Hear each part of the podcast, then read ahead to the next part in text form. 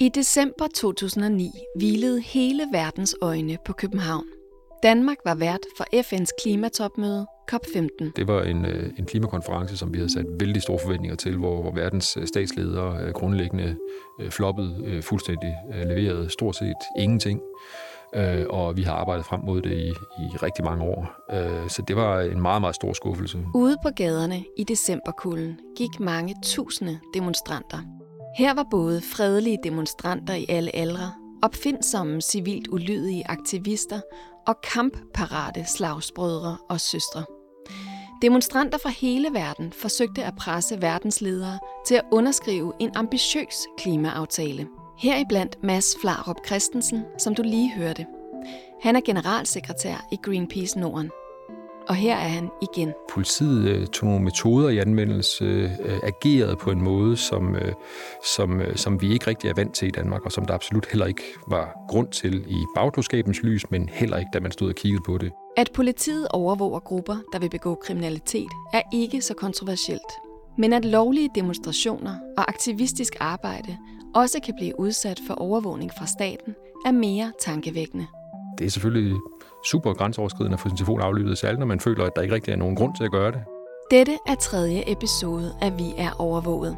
En podcastserie om at blive overvåget af staten.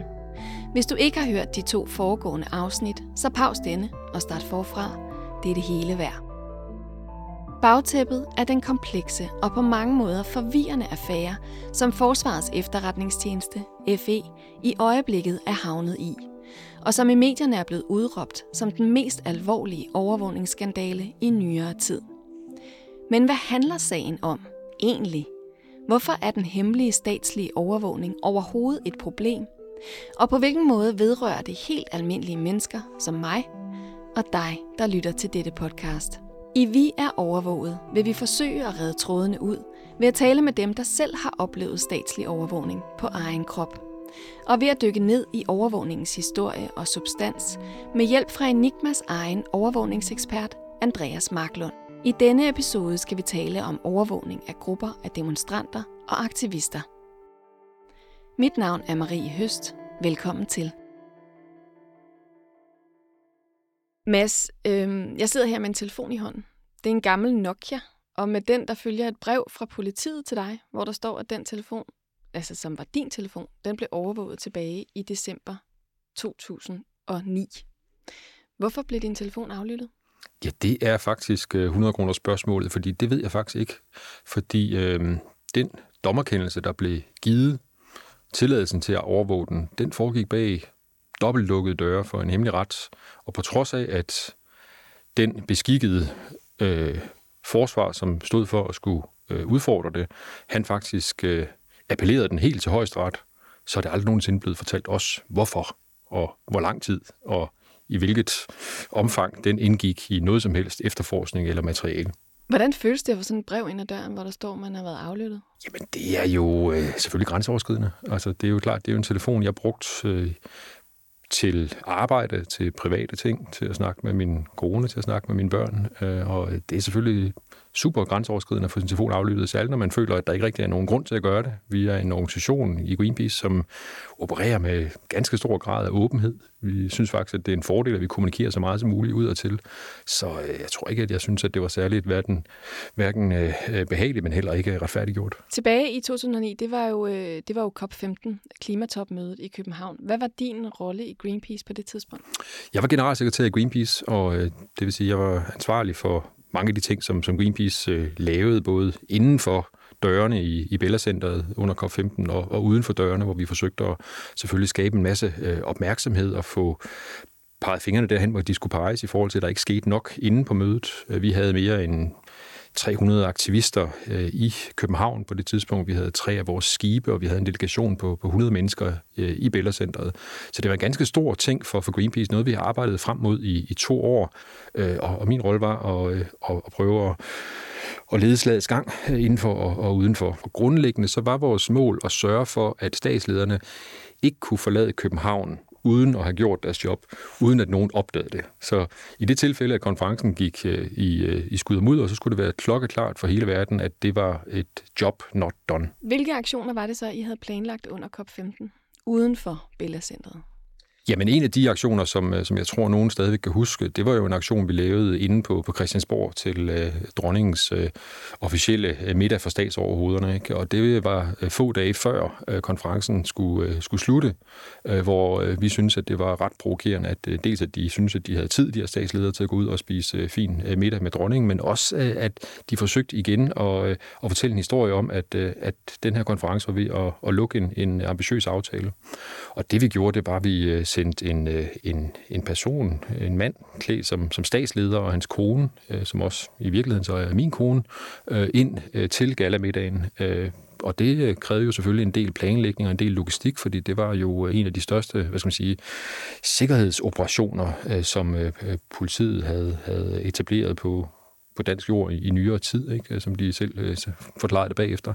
Men grundlæggende var det jo en ganske uskyldig aktion. Det var to mennesker, der gik ind på den røde løber og viste banner, hvor der stod Politicians uh, Talk Leaders Act uh, på banneret. Uh, og det uh, var en ganske stor provokation for, for politiet. Det er der ingen tvivl om, at det var selvfølgelig en, en torn i øjet, at der kunne komme aktivister ind på det tidspunkt. Men det havde jo den øh, konsekvens, at, at det rent faktisk kunne øh, vise de rullende kameraer og hele verden, at, øh, at der i hvert fald var, var nogen, der tog bladet fra munden og, og sagde, at jobbet ikke var gjort endnu. Hvordan greb I det an? Hvordan, hvordan kom de helt derind? Jamen, det er jo en, en stor øh, logistisk operation. Ikke? Altså, vi havde lejet tre øh, limousiner, øh, fine biler, og så havde vi øh, lavet lidt research på at finde ud af, hvad det var for nummerplader, politiet brugte, og vi fik lavet nogle skilte, som blev sat i vinduet, hvor der stod øh, sådan lidt, de lignede de skilte, som øh, politiets biler også havde, men, men grundlæggende så var det bare pjat og, og halløj. Altså, der stod øh, Planetary Emergency Authorized by Greenpeace. Øh, vi havde købt et øh, blåt blink i BR, og øh, min øh, Øh, og øh, statslederens kone var, var iklædt en, en kjole fra, fra H&M, og nummerpladerne inde på 007. Øh, så der var en del spas i det også, ikke? Og, og der var selvfølgelig på rette steder, havde politiet kigget nøje efter, men så kunne de også se, at der stod Greenpeace rundt omkring, og det havde vi gjort for at sikre, at de ikke ville mistænke os for at være terrorister eller noget som helst andet, at, at der var det her element i det. Men der var ikke nogen, der hverken tjekkede eller kiggede efter i sømmene, så vi kunne have sparet os øh, den del af, af setup'et. Men de faldt øh, grundlæggende ind i en kortege af andre øh, statsledere. Jeg tror, de kom ind lige efter øh, Hillary Clinton, der også deltog på vegne af USA, og, og lige før øh, Andrea, øh, hvad det, øh, Merkel fra, fra Tyskland. Øh, så, så det var en... Øh, det var en, øh, en vellykket aktion på den måde, at det var sådan helt på den måde, som vi godt kan lide at, at lave aktiviteter med et glimt i øjet, og, og, og øh, uden at nogen kommer til skade, og uden noget bliver ødelagt.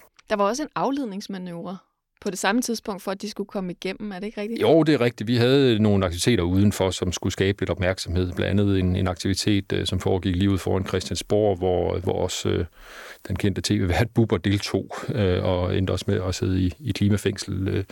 Men, øh, men, men det var Til mere for at skabe... skræk, som jeg forstår. Ja, jeg, han øh, kunne nok godt have undværet den oplevelse, det, men, øh, men det gav et godt tv-program i hvert fald for ham. Hvad blev konsekvensen af den aktion? Fik I den opmærksomhed, I gerne ville have på den? Ja, det synes jeg. Jeg synes, at aktionen som sådan var succesfuld, både sådan øh, logistisk set, men, men også på den måde, at det var med til at sørge for, at man netop ikke kunne grønvaske øh, den her klimakonference. Ikke? og det var med til at, at, at vise det. Den fik øh, stor opmærksomhed øh, rundt omkring i, i hele verden, og øh, og øh, på den måde var det en, en succesfuld aktion. Men var I bevidste om, at politiet ligesom jer forberedt, ja, forberedt sig på, på, at der skulle ske noget stort til COP15, og i forbindelse med det måske kunne finde på at overvåge jer? Ja, men det tror jeg da, vi havde en, en formodning om, at de nok godt kunne. Altså generelt vil jeg sige, at jeg synes ikke, at øh, COP15 og politiets ageren under COP15 er, er politiets uh, lyseste stund. Altså jeg synes desværre, at vi så rigtig mange eksempler under COP15 på, at uh, at politiet øh, tog nogle metoder i anvendelse, øh, agerede på en måde, som, øh, som, øh, som vi ikke rigtig er vant til i Danmark, og som der absolut heller ikke var grund til i bagklodskabens lys, men heller ikke, da man stod og kiggede på det. Øh, vi så masser af stationer på en måde, som vi ikke har set før i Danmark. Øh, vi så en, en voldsomhed i, i politiets ageren. Vi så en, øh, en lang række af de her aflytningssager, præventive anholdelser, øh, lømmelpakke, der kom, altså en lovpakke, der ligesom skulle gøre nogle af de her indgreb mulige, og, og på den måde var de i virkeligheden med, synes jeg, til at, at eskalere situationen. Og da vi så på det på, på afstand og nogle måneder før aktivitet, eller, øh, før øh, K15, der kunne vi jo godt se, at, at det her var et lidt andet politi, og et lidt mere paranoid politi, og lidt mere aktivistisk politi, end vi havde set øh, før. Øh, så det er klart, at det var da også vores formodning, at man ville bruge øh, forskellige øh, metoder til at finde ud af, hvad der skulle ske i aktivistmiljøet, inklusiv hos, hos Greenpeace. Men hvordan forberedte I jer så på det? Gjorde I nogle specielle ting for at øh, omgås en eventuel aflytning eller overvågning Nej. fra efterretningstjenesternes side? Nej, det gjorde vi egentlig ikke. Altså vores grundsynspunkt er sådan set, at, øh, at de ting, vi gør, de øh, gør sig bedst i fuld gennemsigtighed. Men det er da klart, at, øh, at, at, at frygten og, og, og den snigende sådan, øh, mistænksomhed over for hinanden, altså den kan man ikke helt undsige sig i sådan et miljø, hvor man mærker, at der er et, øh, et ganske massivt pres fra, fra politiet og myndighedernes side. Så, så jeg vil bestemt ikke udelukke, at det har en, en effekt på den måde, man ligesom tænker på og, og agerer på også. Selvom man ikke har noget at skjule, så må det jo være en enorm mærkelig fornemmelse at være øh, og opleve så høj interesse, som man jo gør med præventive anholdelser fra efterretningstjenesternes side. Altså, at de lige frem kan finde på at sætte nogen ind under falsk dække, som interesserer sig for ens arbejde. Men det gør vel noget ved kulturen og den måde, I snakker sammen på, eller hvad? Jamen, det tror jeg også, det gør. Øh, og det synes jeg er det mest skræmmende og det mest triste ved det. Ikke? Det er, at man får den her følelse af at være øh, under overvågning, øh, selvom man måske ikke er det.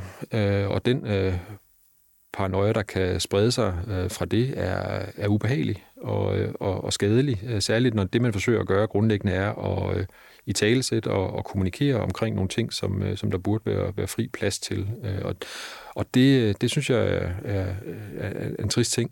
Og det har vi jo set fra vores kollegaer, særligt i, i udlandet, øh, hvordan det kan øh, være en selvforstærkende effekt. Ikke? Altså at man så øh, trækker sig endnu mere ind i sig selv, og at det bliver en ond spiral, hvor man ligesom øh, lukker sig om, øh, om sig selv og, og lukker omverdenen ude. Ikke? Og det, det synes jeg ikke, der er nogen, der kan være tjent med. Lømmelpakken var en lovpakke målrettet protesterne ved COP15, og den blev vedtaget den 26. november 2009, altså få dage før demonstranterne gik på gaden. Den gav politiet mulighed for præventiv anholdelse i op til 12 timer og hævede straffen for at forhindre politiet i udførelsen af deres arbejde til 40 dages fængselsstraf. Og den blev i høj grad taget i anvendelse. I alt 1915 demonstranter blev anholdt under COP15. 250 af dem blev tilkendt erstatning for ulovlig frihedsberøvelse. Du nævnte lige øh, kort, at Lømmelpakken, som den blev kaldt, blev indført lige inden COP15, eller i, i, i tide til, at den i hvert fald kunne benyttes til COP15. Hvad, hvad tænkte I om det? Jamen igen, så var det en, en, øh, det var en bekræftelse af, at, at vi så et, øh, et dansk politi, som, øh, som rustede sig til tænderne, ikke? som bad om flere redskaber, og som grundlæggende havde en, en lidt paranoid tilgang til, hvordan man skulle håndtere hele det her COP15-cirkus. Øh, øh, man vidste jo godt, at der ville komme en masse tilrejsende, men, men, men det, jeg har observeret, er jo egentlig et dansk politi, der i årene op til 2009 med, med forskellige øh, værktøjer egentlig var blevet et, et ganske smart politi. Et politi, der agerede øh, fornuftigt og som øh, var proportionale i deres øh, ageren øh, Øh, og som øh, for alt i verden ikke ønskede at eskalere konflikter. Og nu så vi altså herop til COP15 og under COP15, at, at de gjorde lige det modsatte. De, I lang række tilfælde eskalerede de øh, konflikter, de konfliktoptrappede, de satte øh, helt uproportionalt meget politi ind i situationer, hvor der ikke behøvede at være det. Der var hollændervogne, der var politi alle vegne, øh, der var de her overvågningssager, der var præventive anholdelser, der var lovpakker. Øh, så, så det skabte en, øh, vil jeg våge påstå, en, øh, en, øh, en, en spiral, som, øh, som vi mærkede i, i vores aktivistmiljø også, altså en slags radikalisering i miljøet, ikke? Altså, hvor det simpelthen, hvor folk de så blev, blev presset så hårdt, at de i virkeligheden begyndte at interessere sig for at lave mere øh, vidtgående aktioner, forlod Greenpeace, gik til den sorte blok, som vi kaldte det på det tidspunkt. Ikke? Altså, der skete en radikalisering i, i store dele af aktivistmiljøet som en konsekvens af den hammer og den øh, jernnæve, som, som politiet udviste under K-15. Og det synes jeg var en, øh, en meget trist situation. Øh, jeg havde foretrædet for Folketingets øh, retsudvalg efterfølgende, hvor vi også øh, talte om det, og, og jeg synes også, at der har været nogle, nogle gode samtaler med politiet efterfølgende omkring, hvad er effekten, når man går øh, til de øh, ting, og jeg synes, at, øh, at det var en uheldig udvikling, vi så under K-15, og jeg håber, at øh, politiet lærte noget af det. Og hvad er den sorte fløj på nu, øh, et, udtryk, du lige brugte, som ikke er Greenpeace? Ja, altså man kan sige, der er jo et, øh, når man snakker aktivisme, så er der jo et, et kontinuum af, øh, hvor er det, man, man ligger snittet. Greenpeace øh, er jo, hvad skal man sige, på mange måder de pæne i klassen, ikke? Altså vi, vi har vældig strikse regler i forhold til civil ulydighed. Man står ved det, man gør med åben pande. Man sætter sit navn under. Man anvender aldrig vold og herværk og den slags ting. Ikke? Og så er det klart, at så er der nogle grupperinger, som ligger længere ude, som, som, hvor nogle af dem er grænserne flydende, andre af dem bekender sig fuldstændig til vold. De er meget, meget små i Danmark, øh, og er stort set ikke eksisterende. De er meget radikale. Ikke? Men, øh, men det er klart, at, øh, at, at når man bliver forhindret i at bruge sin stemme på, på helt almindelig vis, eller lave kreativ øh, politisk aktivisme, øh, jamen så er der nogle mennesker, der vil føle sig øh, kaldet til at begynde at bruge mere øh, radikale midler, og det så vi nogle, nogle tendenser til i, i kølvandet på COP15. Det viser sig jo så, at øh, COP15 blev overvåget af PT Øhm, det ved du, fordi din telefon er blevet overvåget, og du har fået et brev fra politiet. Og faktisk også, at den britiske efterretningstjeneste i samarbejde med NSA sad og overvåget inde hos de delegerede. Så I var i den grad overvåget alle vegne fra. Hvad tænker du om nødvendigheden af det? Jeg tror ikke, man kan øh, med nogen retfærdighed sige, at det var øh, nødvendige aktiviteter. Jeg har jo grundlæggende stor sympati for, at, øh, at politi og myndigheder har det redskab i skuffen, at man kan overvåge. Øh, men jeg har endnu mere sympati for, at øh, der skal en dommer til at kigge på det, og at den dommer rent faktisk er underlagt øh, retsplejelovens bestemmelser, hvor, hvor det skal være vældig alvorlige forbrydelser, der er tale om. Altså, man skal helst, øh, princippet er jo, at man skal stå til seks års fængsel for den forbrydelse, man mistænkes for, før en telefonaflytning kan gives. Og jeg nægter at tro på, der var, jeg ved det med sikkerhed, der var ikke nogen af de ting, Greenpeace planlagde, der potentielt kunne give mere end seks års fængsel. Øh, og jeg nægter at tro på, at der var andre grupperinger, som planlagde ting, som kunne, kunne give det. På trods af det, så blev der givet, bare i vores sådan, område omkring Greenpeace, blev der givet øh, fem tilladelser til telefonaflytninger i, i november måned, ikke? og øh, 14 yderligere øh, telefoner bliver bliver aflyttet i, i perioden fra den 18. til den 22. og 23. December. Så det var en ganske massiv overvågning, uden øh, hvad jeg vil betragte som, som noget som helst øh, gyldig grundlag. Og det overraskende er jo, at den blev taget hele vejen til højesteret og, og, og fik medhold i det. Det, som politiet selv har sagt til, til, til Ritzau på det tidspunkt, det var, at det drejede sig om nogle planlagte aktiviteter mod den offentlige øh, transport, og så er der nævnt noget med metroen. Igen, det er ikke ting, som vi ved noget om, fordi det blev foregik bag lukkede døre, og vi har aldrig fået indsyn i, i de her øh, dokumenter eller, eller begrundelser. Vi har kun fået at vide, at, at de her telefoner er overvåget. Men hele forestillingen om, at Greenpeace skulle planlægge aktioner mod metroen, er jo, er jo, er jo absurd. Altså, øh, det er jo ikke ikke noget, vi har for vaner at, at lave aktioner mod offentlig transport, særligt ikke den mest miljøvenlige del af den. Altså, det, det giver ikke rigtig mening. Så, så jeg synes jo, det er grotesk, at man kan overbevise en dommer om, at det er, er et fornuftigt... Øh. Men, øh, men det har de altså kunnet, og, og den overvågning har været, har været ganske massivt, og, og det er klart, at det finder jeg ude af proportioner, og endnu et eksempel på, at, at politiet ikke rigtig havde proportionen i orden under K15. Klimatopmødet COP15 blev på alle måder en fiasko. Det lykkedes ikke for de 120 verdensledere at underskrive en bindende aftale om klimamål, som alle havde håbet på. Det danske formandskab blev kritiseret for at være dovent og useriøst. Politiet blev anklaget og dømt for at slå for hårdt ned på demonstranter, og ligesom Mads Flarup Christensen kunne konstatere, var politiet ofte med på en lytter, når aktivisterne forsøgte at råbe politikerne op og tage ansvar. En, der ved alt om, hvilken teknik PET har i værktøjskassen, når de indsamler informationer om større menneskemængder, er Kjeld Normand. Kjeld arbejder for sikkerhedsfirmaet Jubex, hvor han tester virksomheders digitale sikkerhedsniveau. Hvis det findes, kender Kjeld til det. Han kender hver en bagdør i teknologier, og hver en gadget, som efterretningstjenesterne kan bruge til at samle og analysere data om demonstranter og aktivister. Kjeld, i denne episode der taler vi om overvågning af grupper af mennesker, altså for eksempel aktivistgrupper eller registrering af store øh, menneskemængder til demonstrationer. Vi har blandt andet fokuseret på COP15, som der var stort fokus på fra efterretningstjenesternes side. Øhm, sidst der talte vi mere om, hvad kan man sige, den personlige overvågning, overvågning af et individ. Men hvilke metoder kan efterretningstjenester benytte til at overvåge demonstrationer og aktivister? Lad os sige ved et event som COP15. Ja, hvis, hvis, hvis vedkommende, som de vil holde øje, eller alle dem, der er i rummet, skal holdes øje med, så har de måske en telefon på sig.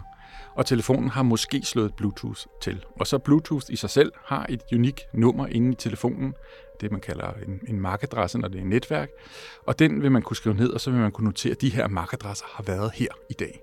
Og hvis man kan finde de MAC-adresser andre steder, så kan man begynde at sammenkøre, så kan man så øh, udelukkelsesmetoden, nu har vi også fundet ned i Kvickly, der er kun en af de mennesker, der var til stede, som, som bor i den by, hvor Kvickly var, og så, videre. så har man fundet ud af det.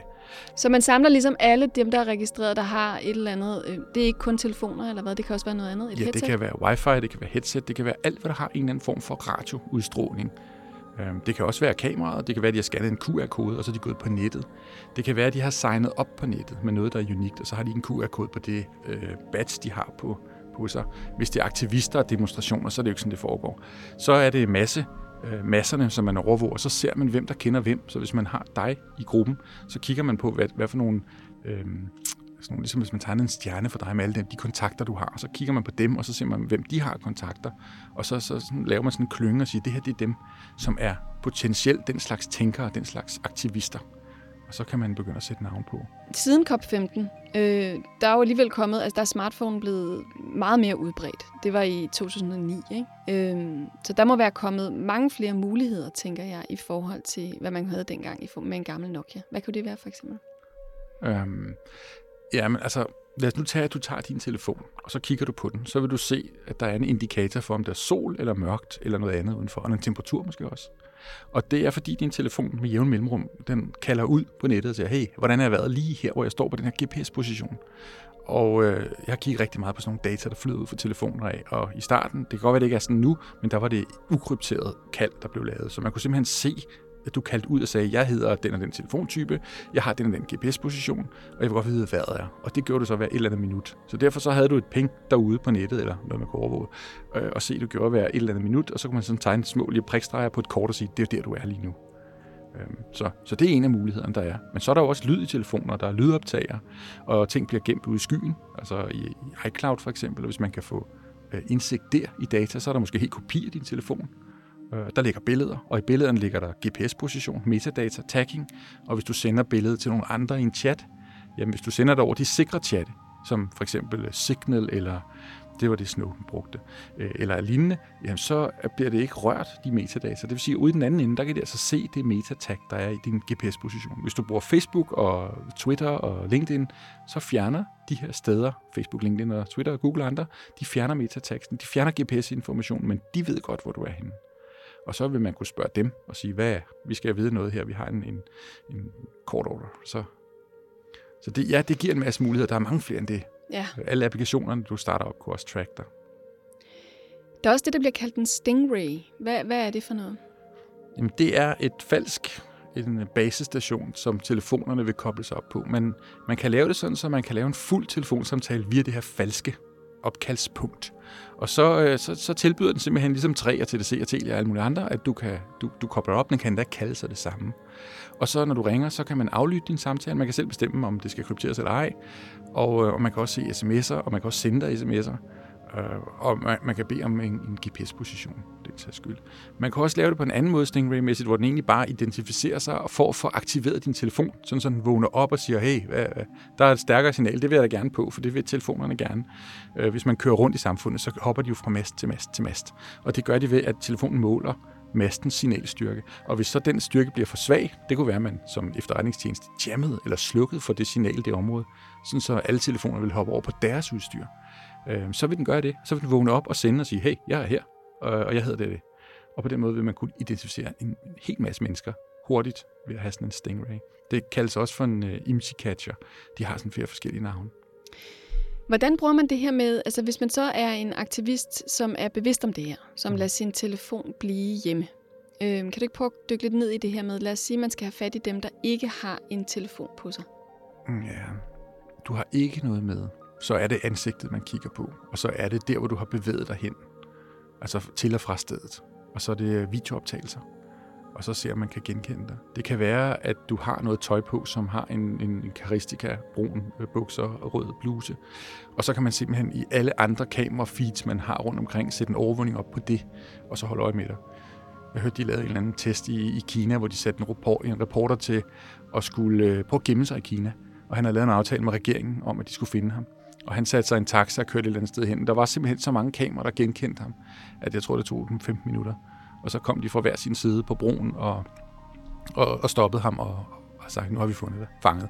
Så øh, hvis du kan få de kamerafeeds rundt omkring fra i byen, hvor du bevæger dig i, hvis du bevæger dig til fod på cykel, og du skal jo ikke tage taxaen, for der er kamera i, heller ikke bussen og heller ikke toget. Ikke? Så, så det må næsten være det her bilen, der er der NPG. Så, så du går rundt, og så skal du simpelthen undgå alle de kameraer, som regeringen har adgang til at kigge i, hvis det er dem, der kigger. Kan man overhovedet beskytte sig så mod de her overvågningstiltag, som efterretningstjenesterne har adgang til, hvis man ikke vil overvåges? Mit korte svar er nej. Det, det tror jeg simpelthen ikke på. Altså, jeg vil, øh, jeg vil lave det sådan, så man havde en, øh, en split personality. Et eller andet med, at man dukkede op så mange steder, at man ikke kunne finde ud af, hvad der var det falske, det man havde, havde fabrikeret af ting, og så det, der var det rigtige. Men øh, som udgangspunkt, så vil jeg så sige, det, øh, Øh, jeg vil i hvert fald gerne se vedkommende, der kan gøre det. Selv Snowden vil man jo kunne finde, øh, og har man fundet, så, og han vidste lidt om det. Tak for din tid, Kjell. Her på Enigma har vi vores helt egen overvågningsekspert. Han hedder Andreas Marklund, og han er forskningschef på Enigma Museum for Post, Tele og Kommunikation. Og så har han faktisk netop udgivet en bog om overvågningens historie. Han kan fortælle mere om politiets og efterretningstjenesternes interesse i at overvåge demonstrationer og aktivister. Hej Andreas. Hej Marie. Andreas, hvorfor er efterretningstjenesterne overhovedet interesseret i at overvåge demonstrationer og aktivister? Til at starte med skal vi måske huske, at også efterretningstjenesterne har grundlovssikrede rettigheder. Det er simpelthen ret ifølge grundloven til at overvære politiska möten och demonstrationer. Och varför har det det? I viss utsträckning menar jag att det är ett levn för en, för en odemokratisk, eller i varje fall för demokratisk tidsalder. Alltså den moderna politiovervågning, som vi känner den idag med civilklädda politifolk ute i gatorna som håller øje med mulige ballademærer. Det går tilbage til midten af 1700-tallet, slutningen af 1700-tallet, en tid under den senere enevælde, hvor politisk aktivitet i gaderne som udgangspunkt var noget ulovligt, som var et dårligt tegn for myndighederne, et tegn på, at det var revolution i gære. Tænk den franske revolution. Det er den kontekst, som det moderne politiovervågning vokser frem. Det kan så godt være, at de har ret til det. Men hvornår kan det risikere at blive en trussel mod demokratiet? For man skal vel kunne forsamles frit? Naturligvis skal man det. Og det er en af mange paradoxer i overvågningens historie og i overvågningens væsen. Overvågning af politisk, politiske møder, politisk aktivitet, er jo et meget eklatant, et meget åbenlyst brud på grundlovssikrede rettigheder omkring ytringsfrihed, forsamlingsfrihed osv. Vi skal jo kunne give udtryk for vores holdninger uden at vi bliver udsat for statens tvangsmidler. Så på den ene side må, må efterretningstjenesterne godt være til stede og overvære demonstrationer, og på den anden side så skal demonstranterne have ret til deres eget privatliv. De to ting, de de, de, det er vel et paradoks? Jamen, ja, ja men a, a, absolut. Det er et totalt paradoks. Men som sagt, overvågningens historie er fyldt af de paradoxer, eftersom overvågningsapparatet i høj grad er en størrelse, som er blevet nedarvet fra en tid inden demokratiet. Demokratiet og retsstaten er et senere add-on i den udvikling. Mads Flarup fra Greenpeace, han får aldrig at vide præcis, hvad han er anklaget for. Altså hvorfor PET har aflyttet hans telefon. Og det lyder jo fuldstændig kafkask. Men er det en, en generel problematik? Det er mange Kafka-øjeblikke i overvågningens historie. Øh, og et, et stort problem er, at det strider mod habeas corpus-princippet, som er et meget vigtigt retsstatligt princip, som går ud på, at du har ret at vide, hvad du er anklaget for, og du skal alltid ha mulighed for at forsvare dig, for at det genmæle imod det her anklager. Og det kan man jo ikke, hvis ens sagsmappe er gemt væk i et pengeskab et eller andet sted i nogen mystisk sort kammer. Så habeas corpus, som du nævner, er faktisk sat ud af spil, når man har med efterretningstjenester at gøre? Ofte, ja.